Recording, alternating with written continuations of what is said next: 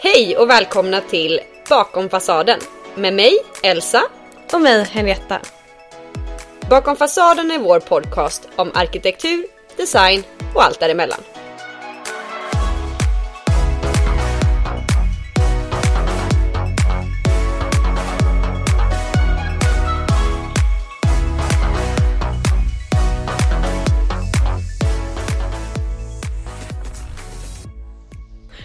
Ja Elsa, hur är läget med dig då?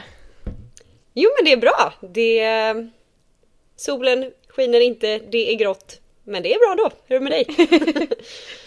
eh, nej men det är bra. Jag är lite förkyld men eh, jag är på väg ur det. Så det känns Okej, bra. ja, ja. Hoppas du eh, hinner bli frisk till jul då. Ja men det tror jag. Jag har ändå en vecka på mig. Så det blir nog bra. Men ja, vi får väl se hur mycket det hörs i micken att jag är lite snörvlig. Ja, jag var ju täppt förra veckan som ni säkert alla hörde. Så då är det väl din tur den här veckan då. Och ta över den stafettpinnen. Precis, det blir lite ett eh, dokument över hur tiden är just nu. Alla är typ förkylda känns det som. Ja, man skulle kunna tro att det är jag som har smittat dig, men vi har ju faktiskt inte ens eh, träffats sen vi spelade in. eftersom vi bor i två helt olika städer. Så eh, jag är inte skyldig i alla fall. Det känns skönt. Nej, mina två närmsta kollegor är dock båda hemma sjuka så jag tror att det är de Det som är de som är skyldiga. Ja, då så. Då Eller så är jag boven. skyldig till en av dem, vem Ja. vet.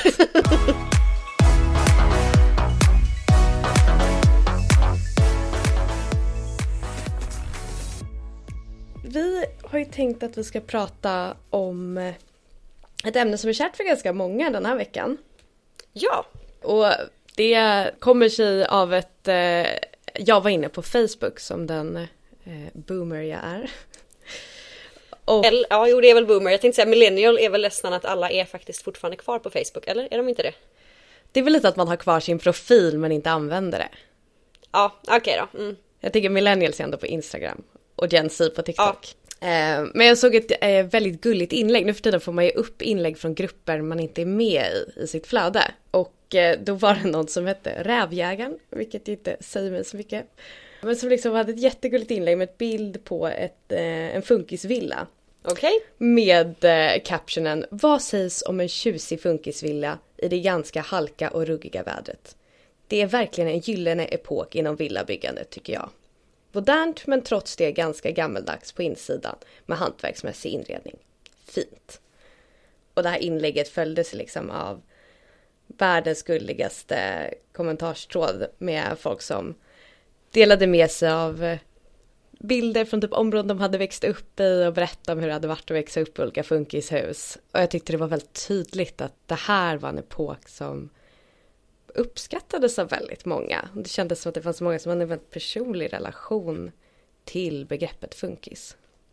Ja, det som är intressant med funkis som du säger är att det är så Ja men ändå känns som att alla nästan älskar funkis. Samtidigt som den tid och den arkitekturstil som utvecklades under den tiden kanske mer då Ja men modernismen och så vidare är en stil som är ganska kritiserad framförallt idag. Så det är liksom Kommer, det är byggnader som kommer från en stil som är lite kontroversiell men där är det ändå någonting som har lyckats. Precis. Så dagens ämne blir funkis. Jag tänker innan vi kollar bort något så ska vi börja med att eh, bara snabbt presentera funkis. Det är alltså en arkitekturstil och funkis är liksom kort för funktionalism. Och man skulle väl kunna säga att eh, det de flesta tänker på när de eh, avser funkis det är liksom den arkitektur som byggdes under 30 och 40-talet. Eh, eller 30 till 40-talet då i Sverige. Som är ganska stram då det är en del av modernismen. Som ju är liksom ett bredare begrepp som börjar kanske redan på 20-talet internationellt sett och sträcker sig fram till 70-talet skulle jag väl säga liksom. Det bryts av med postmodernismen som vi pratade om i ett tidigare avsnitt. Så vi hoppar bakåt i tiden nu, ännu mer Precis, det här är liksom föregångaren. Men eh, funktionalism och modernism är egentligen eh, synonyma ord. Men jag skulle säga just ordet funkis, när man liksom har förkortat det, då, då syftar man oftast på det som byggdes mellan eh, 30 och 40 då. Och framförallt i Sverige. Och, eh, precis, och framförallt i Sverige. Ja, eh, de går inte runt i USA och Tyskland och säger funkis. Nej, det, nej det gör de nog inte. Men det är ju perfekt då eftersom eh, som du sa att den här räven, eller vad han hette, i Facebookgruppen sa att funkisen lyser upp lite granna. Så är det ett perfekt ämne nu då idag, den här gråa, deppiga utomhustiden vi är i. Att lysa upp med lite funkis för oss alla. Precis. Det, det är förhoppningen med dagens avsnitt. Vi kommer ju som vanligt lägga upp bilder på Instagram först och främst. Så mm. precis som alla andra gånger, gå jättegärna in där redan kanske innan ni börjar lyssna eller under tiden så är det ännu enklare att hänga med i vad det är vi diskuterar, vad det är vi beskriver och hur allting egentligen ser ut. För det är ganska svårt ibland att helt bara se framför sig om man inte vet vad vi pratar om. Ehm, så gå in på Instagram.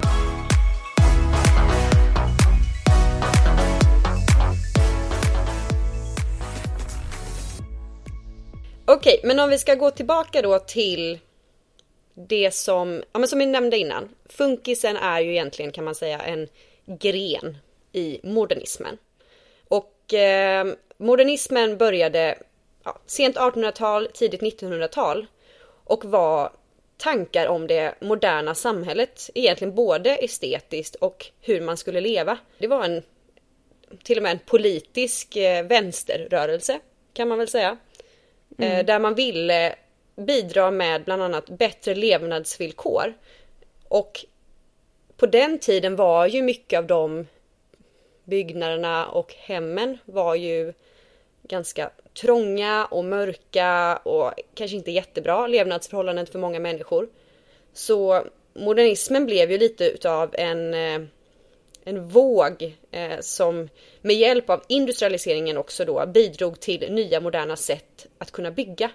Nej men precis och man kan väl säga att där vid sekelskiftet då det har skett en industriell revolution under 1800-talet så är det, det, det uppstår ju liksom mycket tankar i samhället om vad ska det nya seklet innebära? Vad är den nya stilen som liksom ska känneteckna det nya seklet? Och där är inte modernismen ensam, det uppstår ju andra krafter också med liksom jugend och art nouveau och liksom parallellt. Men modernismen kanske är den mest radikala för att den är så himla starkt sprungen ur industrialiseringen och man byggde fabriker med som var uppbyggda på ett visst sätt. De var väldigt rationella i de stegen man producerade saker. Och det där tankesättet eh, applicerade man dels på då fabriksbyggnaderna men började också liksom utveckla tanken av så här, kan vi göra det här i andra byggnader med andra funktioner?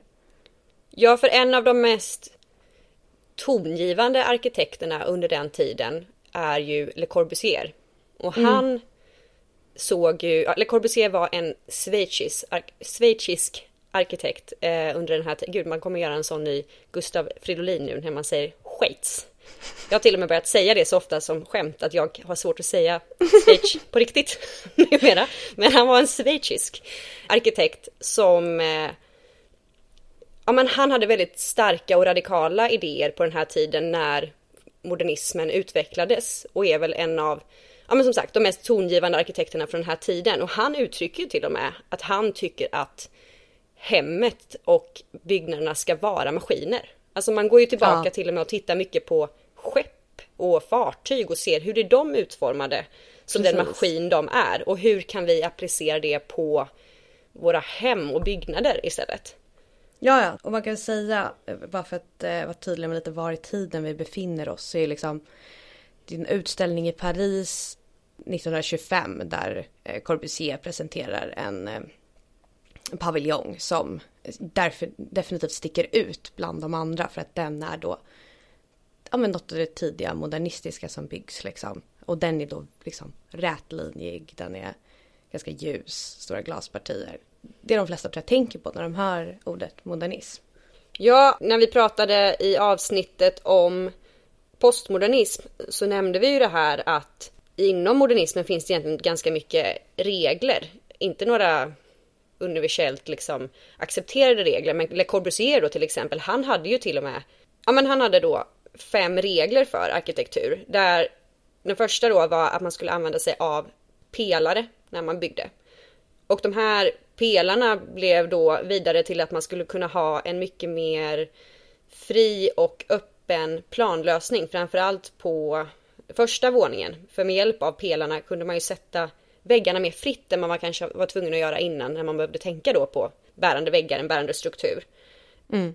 Han pratar också om att de här pelarna ska kunna innebära en mer fri design av fasaden. Du ska kunna ha större fönster för ytterväggarna behöver inte heller vara bärande längre. Du ska kunna ha stora fönsterpartier, kanske långa fönsterband till och med. Och det är nästa steg igen då är att man ska kunna ha horisontella eh, fönster på ett annat sätt. Tidigare var de ju mer eh, vågrätt formade Jo, vågrätt formade i att de var kanske mer hö högre än vad de var breda. Ja. Men de här horisontella fönstren innebär att man skulle kunna ha mer långa fönsterband. Och sist men inte minst så ville han också egentligen väldigt gärna att man skulle kunna möjliggöra takterrasser ovanpå då, eller trädgårdar ovanpå taken som en del av hans fem då regler för arkitektur. Och det är ganska intressant att vara så bestämd i vad man tycker att arkitekturen ska innebära. Precis, ja och där gjorde han väl, eh, eh, vad heter den? Villa Savoie. Ja, precis. Som ju verkligen är liksom eh, en sinnebild för alla dem. Han använder ju alla de principerna i den villan liksom. Och, och han var ju jättetongivande. Något annat som vi ju tog upp i första avsnittet var ju just det här begreppet form follows function. Som ju också verkligen kännetecknar modernismen. Och det grundades ju av en amerikansk arkitekt som heter Louis Sullivan. Och det är ganska tidigt där på 1900-talet när de här idéerna börjar uppstå. Men han hade ju också en teori liksom, bakom tesen som jag tycker är lite intressant för det, det är väl det som blir väldigt tydligt med det nya estetiska uttrycket. Och det var att han tyckte att det fanns inga estetiska problem utan ens uppgift som eh, designer var ju liksom att hitta den inneboende funktionen och då skulle formen ge sig själv. Precis. Och det innebär ju då att så här, man behöver liksom inte smycka ut en byggnad utan formspråket ska komma utifrån liksom, funktionen. Och sen var det väl också liksom en del idéer om det. Det man då skulle pryda byggnaden med skulle snarare komma från liksom naturen och materialen eh, än vara liksom motiv av föremål eller djur som man hade haft liksom mer tidigare eller hade inom andra stilar som fanns samtidigt. Ja, men nästan som att formen i sig bara är ett uttryck för design.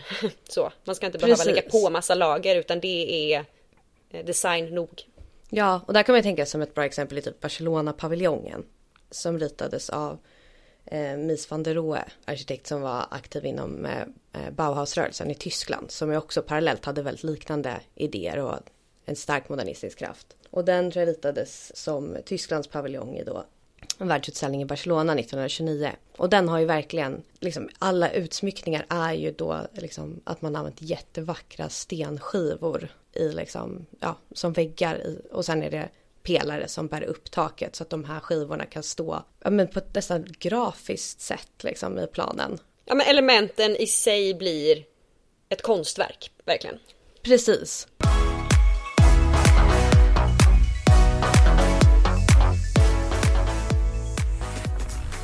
Men man kan väl säga att eh, de här idéerna eh, florerar i Europa. Vi har då Corbusier, vi har Mies van der Rohe. Vi har även Walter Gropius som är en av de som grundar den här Bauhausskolan i Tyskland. Och det här är då Tyskland liksom i mellankrigstiden. Så det hette Weimarrepubliken och var liksom ja, men, en välfungerande demokrati och liksom det uppstod mycket nya idéer där. Och det här når ju också Sverige. Svenska arkitekter jobbar utomlands hos de här arkitekterna eller utbildar sig på Bauhausskolan och får med sig de här idéerna till Sverige. Ja, och startskottet i Sverige blir ju lite granna Ja, men vi har pratat om att det var en utställning i Barcelona, det var en utställning i Paris och startskottet för modernismen, men då också som vi kallar den kanske mer funktionalismen i Sverige, blev ju på 1930-talet i och med Stockholmsutställningen som vi hade då. En utställning som Le Corbusier var faktiskt tänkt att vara huvudarkitekt under den här, men det blev inte så, utan det var istället Gunnar Asplund som var, jag tror det kallas huvudarkitekt under Ja, precis. den här utställningen. Ja. Och det är då en nationell utställning med både arkitektur, form, formgivning och eh, konsthantverk. Precis, och där var många av de liksom, eh, framstående arkitekterna, eh, liksom funkisarkitekterna i Sverige som eh, ritade förslag på hur man skulle kunna utforma nya bostäder, nya butiker, inredning. Och Gunnar Asplund då, som var huvudarkitekt gjorde då eh, utställningspaviljonger och sen den övergripande planen liksom. Så det hade funnits liksom enstaka fall av eh, funktionalistiska byggnader i Sverige tidigare. Men det här var liksom första gången man faktiskt gjorde en, ett helt område med en plan som också var eh, strikt funktionalistisk. Ja, och sen får man inte glömma att, ja, men som vi sa innan, är ju Alltså modernismen är ju inte en eh, hundraprocentig politisk rörelse, men det är ju mycket politik inblandat i mm. hur folk ska leva och även då, ja men en av grundpelarna i det hela är ju just att skapa bättre bostäder till fler. Och mm. i samband med liksom det här i Sverige så är ju också folkhemsrörelsen väldigt stor. Den börjar väl på runt, vad är det, är det 28? Ja, jag tror uttrycket liksom folkhemmet myntas 1928 och sen eh, tror jag Alva och Gunnar Myrdal liksom, eh, hade idéer mm, på 30-talet om liksom, hur vi skulle kunna utforma goda bostäder för ja, men den växande befolkningen. Ja, och där blir det ju då att på något sätt kunna lyckas bygga billigare, vilket då till viss del den industriella revolutionen med nya byggnadssätt kunde möjliggöra. Men också lite mer sparsmakat, alltså inte med samma dekoration mm. och kanske hantverk på det sättet gör det billigare. Och man vill ju då, som vi sa innan, lyckas få in mer ljus. Alltså det var många idéer som gick ihop samtidigt. Precis, och så uppstår ju olika strömningar. Det är liksom, dels presenterar man ju från, det tror jag är Alva Gunnar Myrdal som presenterar att Sverige har en väldigt låg nativitet, tror jag man kallar det. Alltså graden i barnafödande i Sverige står sig väldigt lågt i Europa under den här tiden. Och det är för att vi är väldigt trångbodda i Sverige. Så man skapar liksom barnrikehus som är då subventionerade bostäder för familjer med många barn. Man skapar också kollektivhus i olika former. Ett väldigt känt exempel är liksom ett eh, som ligger på Kungsholmen, jag tror på John Erikssons väg, ritat av Sven Markelius som också var en tongivande funkisarkitekt i Sverige. Och Alva Myrdal var också inblandad i det här och det var liksom ett hus med jag vet inte om alla lägenheter hade kök utan man hade liksom en stor kantin och man hade mathissar in i lägenheterna. Och så var de liksom ja, men begränsade i storlek men de hade liksom all en liten balkong, gott med dagsljus och då gemensamma funktioner för att det skulle vara enklare för arbetande familjer. Ja, och ett sätt som man eh, jobbade mycket med för att just få in mer dagsljus var ju att gaturummen och sättet man placerade husen på var väldigt annorlunda från förr. Tidigare var det ju mer de här slutna gårdarna, det var smalare mellan husen, men ett nytt sätt att bygga på innebar ju mycket lamellhus, eh, ganska mm. långa.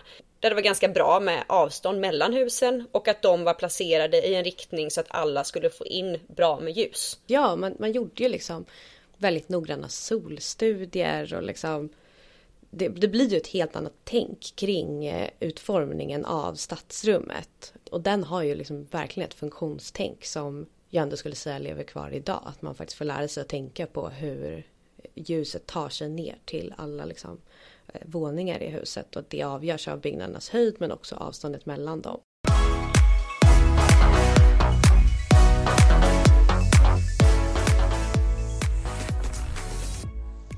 Men jag tänker om man bara skulle så här, lite efter bara bakgrund, om vi bara för att eh, förenkla lite och för att man ska få en bild av det här, rada upp några kännetecken för funkis. Jag tänker att de flesta mm. vet och har någon bild framför sig. Men bara för att ändå ja, punktera upp lite granna vad som är typiskt för funkis. Ja. Och då är det ju, framförallt är det ju putsade, ofta vita eller ljusa fasader. Mm. Det är väldigt raka, alternativt faktiskt cylindriska former, alltså man har någon halvcirkel eller liknande. Men mm. geometriska former i bostäderna eller husens eh, volymer. Det är stora fönsterpartier, också ganska mycket fönsterband som jag pratade om tidigare. Oftast inga spröjs på fönstren. Det kan vara inslag av runda fönster. Det är ofta, som vi nämnt tidigare också, platta tak det är väldigt vanligt med fristående lägenhetshus eller långa rader av radhus. Mm. Mellan de här husen är det vanligt att det är natur. Alltså att det, man har låtit eh, marken vara ganska orörd och mycket av sten, det som växer finns kvar. Ja men precis. Det är väldigt rationella planlösningar med till exempel där funktionerna som vi ändå eh, har sagt får bestämma storlek så att det kan vara ett litet kök och ett stort vardagsrum. I bostadshus är det vanligt med parkettgolv.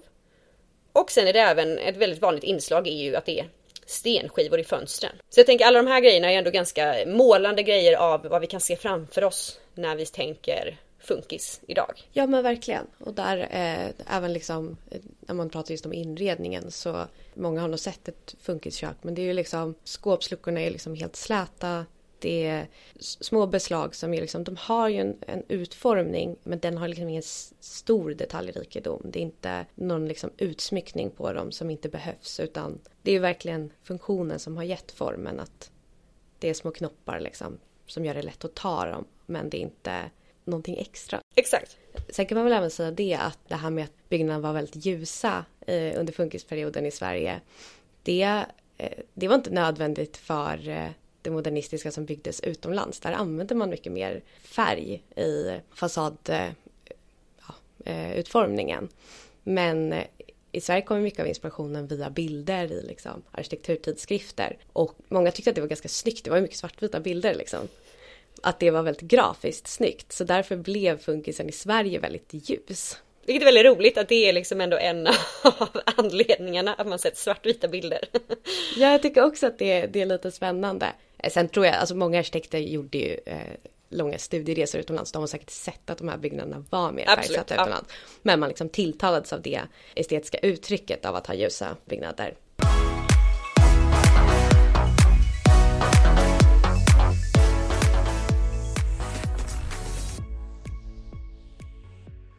Men det som är intressant då med funkis, som vi tog upp lite i början, är ju det här att de är ändå så otroligt uppskattade idag, som vi började hela alltet med.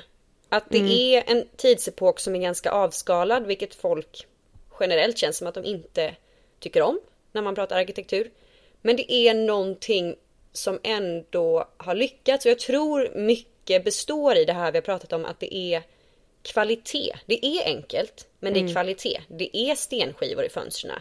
Knopparna, de kanske inte är utsmyckade i köket, men det finns en design. Det är material som är gedigna. Det är mm. ordentliga träkök. Det är fina parkettgolv. Det är Takhöjderna är också fortfarande ganska generösa, även om de mm. inte är sekelskifteshöga. Det, det liksom är en enkelhet som ändå har väldigt mycket ja men kvalitet i sig, det är nog det. Ja men verkligen. Och det kan man väl säga med till exempel man pratar om villaförort så byggdes Södra Ängby i Bromma under 30-talet, 33 till 39.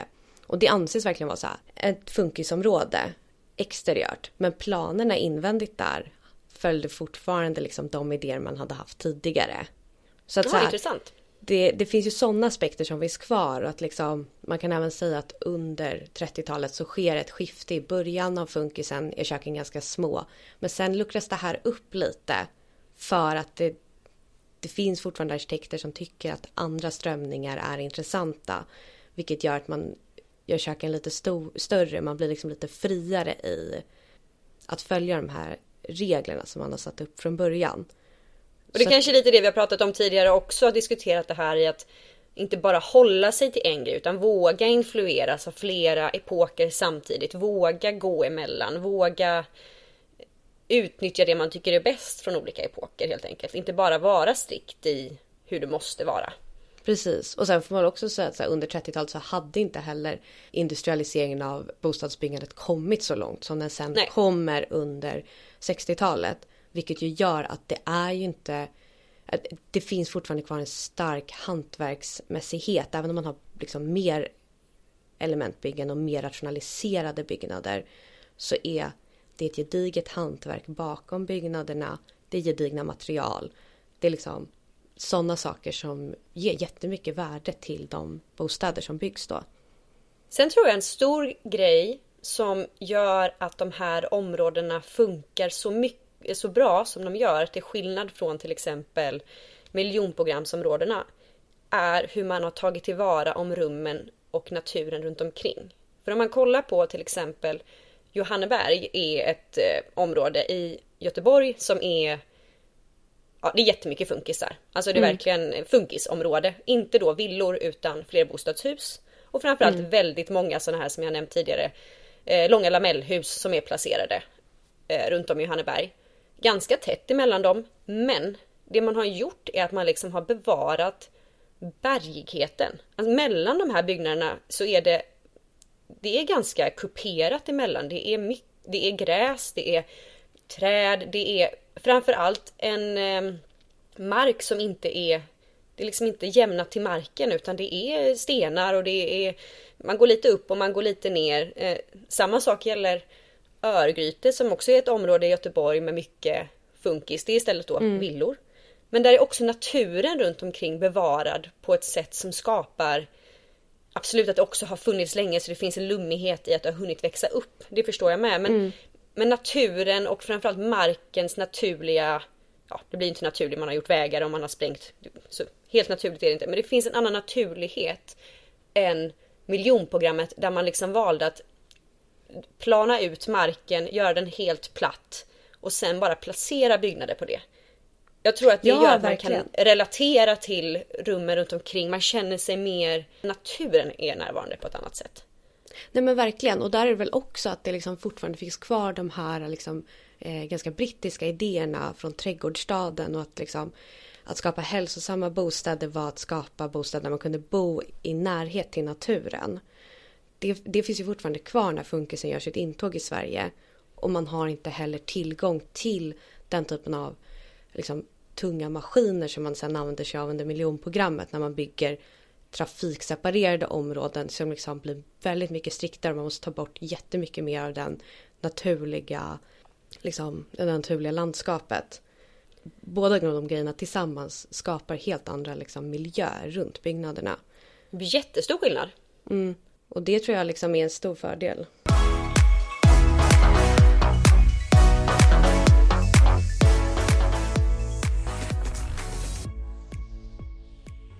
Om man bara ska ge exempel då på några ja, byggnader, områden, arkitekter, mer än det vi har nämnt tidigare. Så tycker jag att en väldigt intressant person i det här är Ingrid Wallberg. För hon var en arkitekt som främst har formgivit väldigt mycket arkitektur i Örgryte som jag nämnde är mm. en stadsdel i Göteborg. Men det som är kul med henne är att först och främst är hon den första svenska kvinnan att starta ett arkitektkontor i Sverige. Mm. Det säger också ganska mycket om den tiden, att det förändringarna och så vidare. Ja gud, men det är ju bara, om man tänker, kvinnor fick väl rösträtt i Sverige 21? Eller 19, ja, första valet men... var 21 då. Det, det, är bara så speciellt att tänka att det här är en tid då du liksom som kvinna tio år tidigare ansågs du inte ens ha rätt till en, en åsikt och gå och rösta liksom. Nej men precis och det är ju fortfarande såklart när det är inte många kvinnor i förhållande till männen. Men det är, det är ändå en annan miljö och en annan, det finns andra möjligheter i alla fall. Mm. Men hon har Ingrid då, hon har ju också varit praktikant hos Le Corbusier. Och jag tycker det är kul att se dels då en kvinna som har gjort väldigt mycket i en stadsdel. Men också de här influenserna då från Le Corbusier som var så tongivande på sin tid och hur det kan tas i anspråk i en svensk kontext. Mm det är liksom så himla tydliga influenser från honom i det hon har ritat. Mm. Hon har bland annat gjort en del eh, radhuslängor i Örgryte som har ja, men mycket av det här då när jag räknar upp de här fem reglerna för arkitektur, till exempel de här fönsterbanden. Många av hennes byggnader har väldigt långsmala fönsterband i ja, båda riktningar egentligen. Hennes hus är placerade på ett sätt så att de ska få in väldigt mycket ljus. Och även, jag har faktiskt varit, jag fick följa med på en arkitekturrundvandring i Örgryte med Ingrid Wallberg som, ja det var henne det handlade om och hennes byggnader. Så jag har fått gå runt och liksom haft ja. någon som har berättat om henne men även gått in i några av husen hon har ritat. Dels så var det de här ganska öppna planlösningarna i bottenplan, lite det som då Le Corbusier tagit upp var en viktig del för honom. Men köken i de här husen var ofta väldigt små. För att det också var en del av tanken om att man skulle inte vara så mycket i köket förutom att laga mat. Mm. Och det som var kul var att jag fick gå in i flera olika då, eller två eller tre hem. Och det ena hemmet var faktiskt en äldre kvinna som bodde i, som hennes föräldrar var de som hade köpt byggnaden eller huset, när det, eller det här radhuset, när det var helt nybyggt. Och mm. hon hade inte renoverat det överhuvudtaget sen hon tog över och hennes föräldrar hade inte renoverat. Så den hade kvar den här originalplanlösningen med det lilla köket, det lite större vardagsrummet, en ganska liten hall och det var kul att se hur tanken var. Men sen fick vi också gå in i ett av de här radhusen där det var en familj, ja, en eh, yngre familj som bodde. Och de hade då renoverat hela bottenplan mer i enlighet med så som vi kanske vill leva idag med ett mer mm. socialt kök, ett större kök. Man hade eh, tagit bort det här lilla köket, öppnat upp ännu mer och gjort köket till en del av vardagsrummet, en del av det här ja, öppna planlösningen som vi vill ha idag. Så att det är mm. kul att se att även om vi uppskattar mycket av kvaliteterna som fanns i funkis och hur man tänkte kring planlösning och så vidare idag så lever vi ändå lite annorlunda så många grejer renoveras gärna bort om man kan. Nej men absolut och, och det ser man väl i många lägenheter även eh, som är tidigare än funkisen att folk flyttar kök idag ut till vardagsrummet för att hellre få ett litet extra sovrum men kunna ha köket som en social yta där man kan vara och matlagning är ett stort intresse för många i Sverige idag där man vill ha med sina vänner. Det där är lite en, en kompetens man vill visa upp. Här står jag och jag kan göra det här och det här och det här och liksom ja, ha med sina gäster.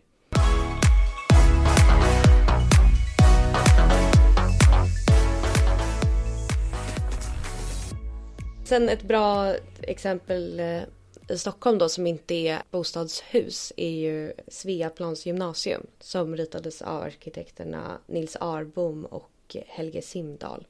De var båda väldigt unga då så de var väl också mer radikala. Den är också väldigt tydligt funktionalistisk med liksom pelare i bottenplan, stora, väldigt så industriella fönsterpartier. Men de är också liksom horisontella. Ja, men den byggnaden ser ut väldigt mycket som eh, eh, Bauhausskolan i Weimar. Alltså att det är liksom strikta vita putsade fasader och stora glaspartier och ser ut nästan som en fabrik. Den liknar ju också till exempel Luma som är en fabrik som byggdes i Hammarby. Också under liksom funktionalismen. Så, och man byggde ganska mycket skolor för det fanns ju det här liksom, eh, sociala tänket. Och det kan man väl också säga att Sverige i Sverige blev ju funktionalismen folklig för den anammats väldigt starkt av liksom det socialdemokratiska, av kooperativa förbundet, av HSB som alla verkade liksom för det folkliga. Ja men precis, ja. Ja men det är det här politiska som vi nämnt innan, alltså det är mycket politik i det ändå. Precis och det är det ju utomlands också mm. för samtidigt som det här sker så kommer ju nazisterna till makten i Tyskland. De kastar ut Bauhausskolan, och kastar ut de funktionalistiska arkitekterna. De flyttar till USA. Så i USA blir funktionalismen, eller modernismen då, ett tecken för det liberala, det fria. Just det, ja. Medan den klassicistiska arkitekturen som då växer fram i Sovjet och Tyskland, den blir sinnebilden för fascism, förtryckande Medan i Sverige blir den då inte liberal, för vi är inte liberala då, utan i Sverige är vi socialdemokratiska. Så där blir det sinnebilden för... En förstärkning av det. Också en frihet. Mm. Men en annan typ av frihet.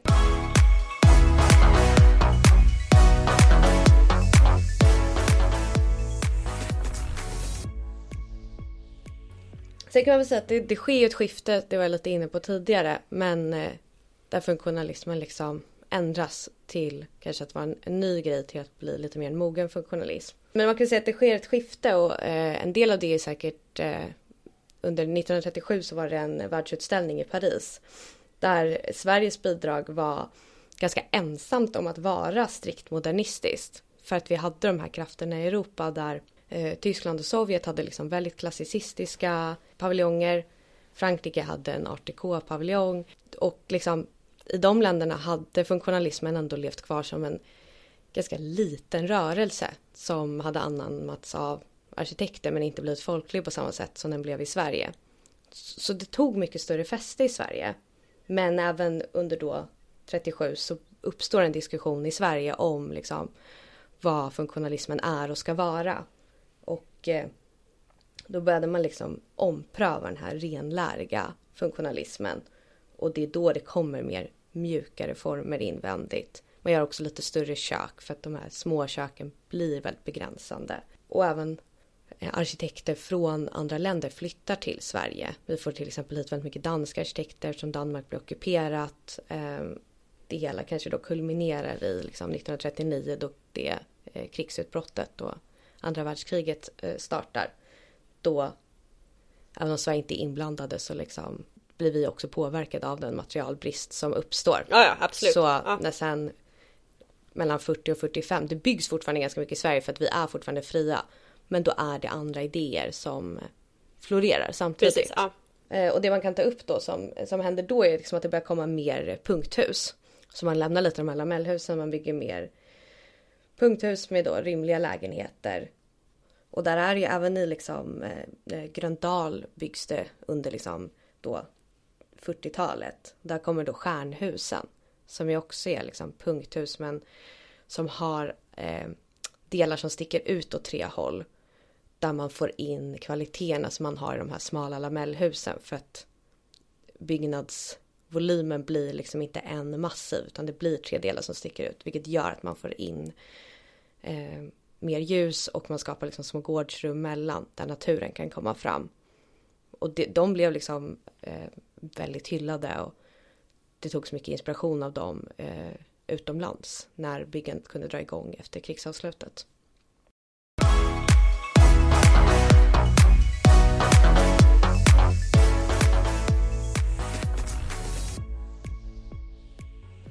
Ha, men har du några, eller vad kan vi dra för lärdomar idag då av funkisen? Eller vad är det som gör att den funkar? Eller vad, ja, hur ska vi sammanfatta det här? För många verkar ju absolut gilla funkis.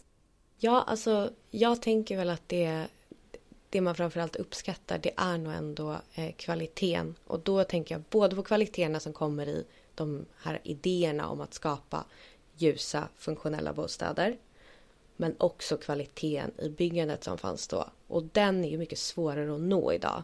För det ligger ju inte på arkitekten, det ligger ju i, som vi varit inne på i andra avsnitt, ekonomin.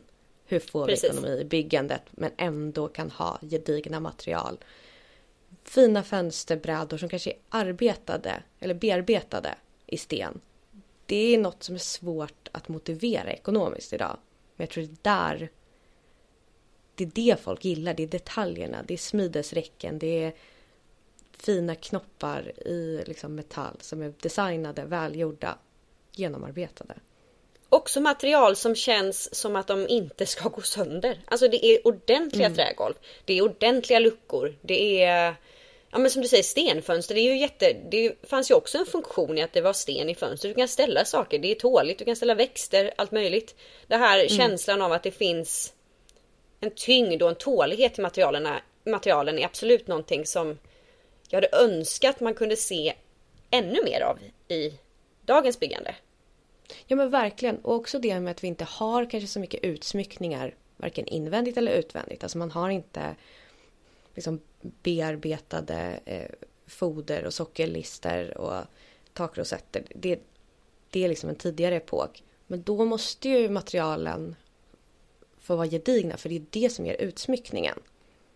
Och, och det kan jag känna att man, man kan sakna idag. Det tror jag man hade kunnat ta mer inspiration från funkisbyggandet. Men även som vi sa takhöjd, att den var lite högre. Eh, det är liksom alla de här mm. små sakerna som, som skapar en helhet. Det är ju det, helheten var någonting. Nej men verkligen. Sen tycker jag att det har varit väldigt roligt att läsa på om funktionalismen för att det känns som så spännande tid att vara arkitekt. Ja. Det är liksom jättemycket strömningar i samhället och, och det finns ett, liksom, ett sug att hitta det där nya. Och jag vet inte om vi kommer, nu är det ju liksom en lågkonjunktur, om vi kommer komma ur den med det kommer aldrig vara liksom, kanske lika starkt som det var vid sekelskiftet för det hade ju hänt en industriell revolution. Men ja. jag kan hoppas att, eh, att vår generation av unga arkitekter när det vänder också känner det här suget över att så här, hur gör vi bra byggnader? Vilka värden är viktiga? Finns det regler vi vill sätta upp eller finns det nya idéer som kan genomsyra arbetet. För det tycker jag känns, trots att det liksom ändå är väldigt nära en väldigt mörk tid i Europas historia, så finns det någon sorts framåtanda i funktionalismen. Ja, men jag håller med. Ja.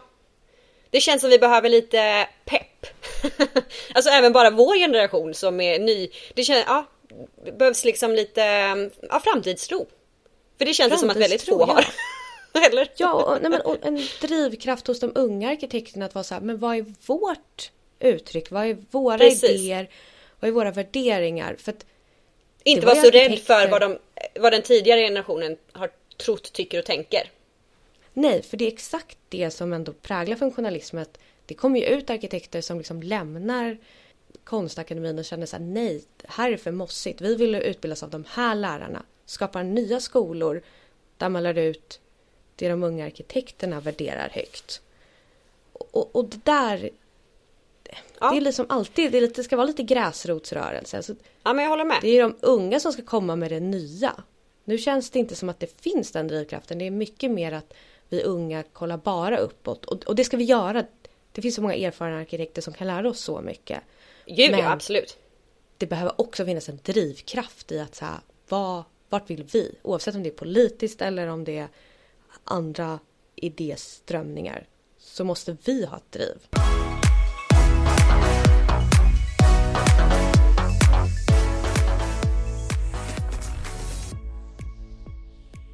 Okej, men om vi ska runda av med vår sedvanliga, ett litet tips.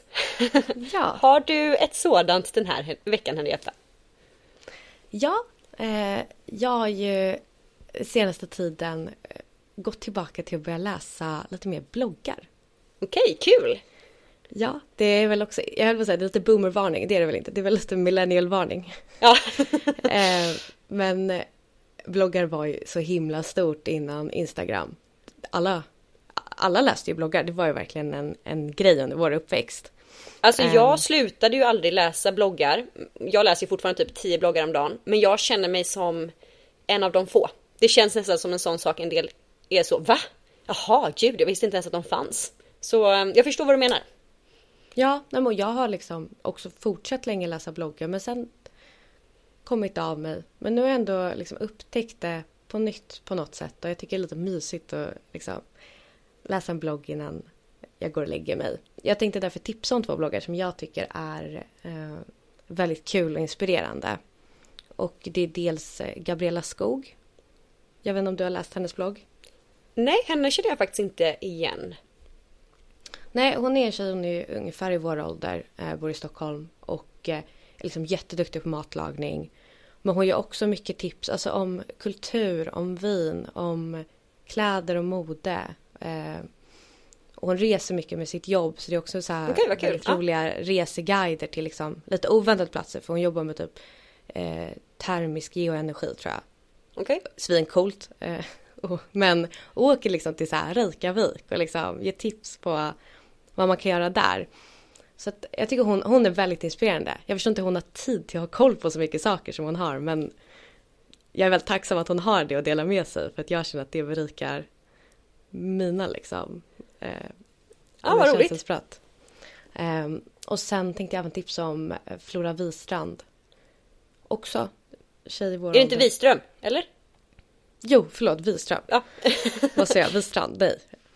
Hon har ju varit med precis jättelänge och hon, utöver att hon bloggar, jobbar hon även som författare. Just det. Mm. Vilket också är inspirerande och hon men skriver också, alltså, där är mycket vardagsliv, eh, vilket ju är mysigt att läsa om men också tips på liksom, ja men eh, kläder och inredning. Så att det, det är en bra mix skulle jag säga i båda de bloggarna och jag tycker att de är väl värda att besöka. Nu skulle jag säga typ så här, bloggare, det är ju mycket ett, ett kvinnligt media men jag skulle säga att det är värt att besöka även som man. Alltså de, båda de får faktiskt också in andra grejer än kanske enbart skönhet och mode som kanske är svårare att ta till sig som, som kille när det handlar om kläder för kvinnor liksom. Ja, och det som Mm. kanske en del förknippar med bloggar som var för många år sedan när det mer var att man bara skrev eh, Hej hej, idag har jag fikat. Så är ju många bloggar inte upplagda, eller upplagda längre. Det är ju väldigt mycket arbete och eh, kraft bakom idag på ett annat sätt än vad det kanske var när det började.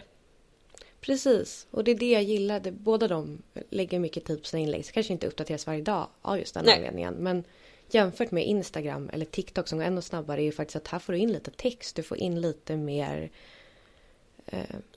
Substans. tyngd. Ja, men Ja. substans. Ja, det är ett lugnare medie.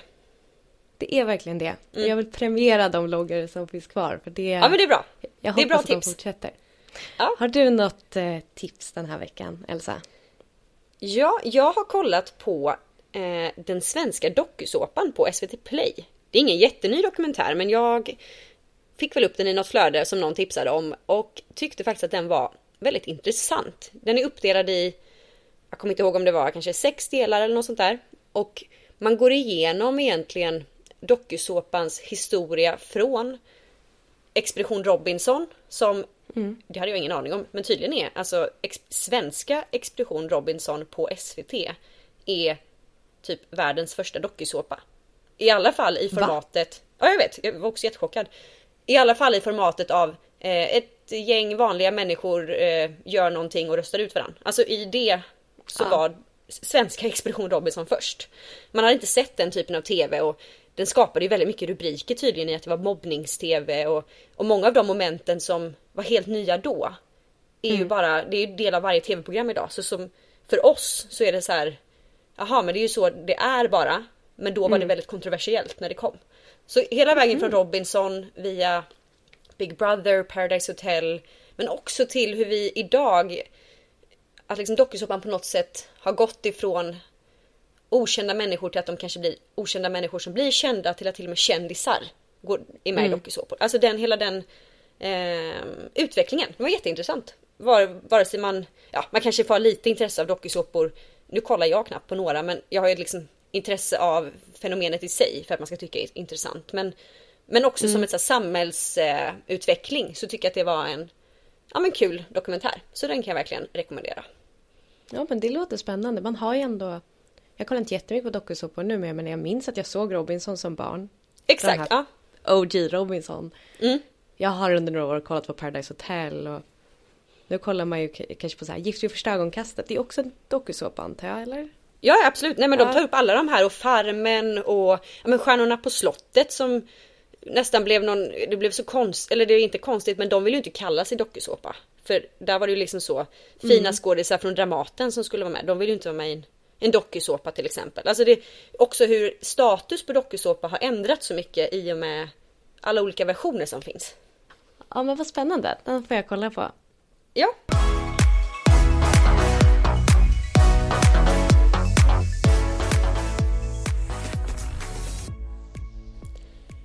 Ja, ja, men då var även detta avsnitt slut. Ja, jag hoppas att ni har tyckt att det har varit eh, intressant att få en lite fördjupad inblick i vad funkis är. Ja, Hur verkligen. det uppstod och vad det ledde till liksom. Ja, och glöm inte att gå in på vår Instagram. Ni får gärna gilla det vi gör. Ni får gärna ge oss en liten eh, recension på valfri eh, poddkanal om ni vill. Och så ja. får ni ha det så bra tills nästa gång vi hörs. Precis, och där kan man väl säga att eh, nästa avsnitt kommer komma ut om tre veckor istället för två veckor. Så att vi ska vara jullediga faktiskt. vi ska vara lite jullov. Eh, men eh, ja, eh, tills dess så får ni ha det så bra och kolla gärna in våra tips. Gör det och god jul och gott nytt år! Precis. Hej då!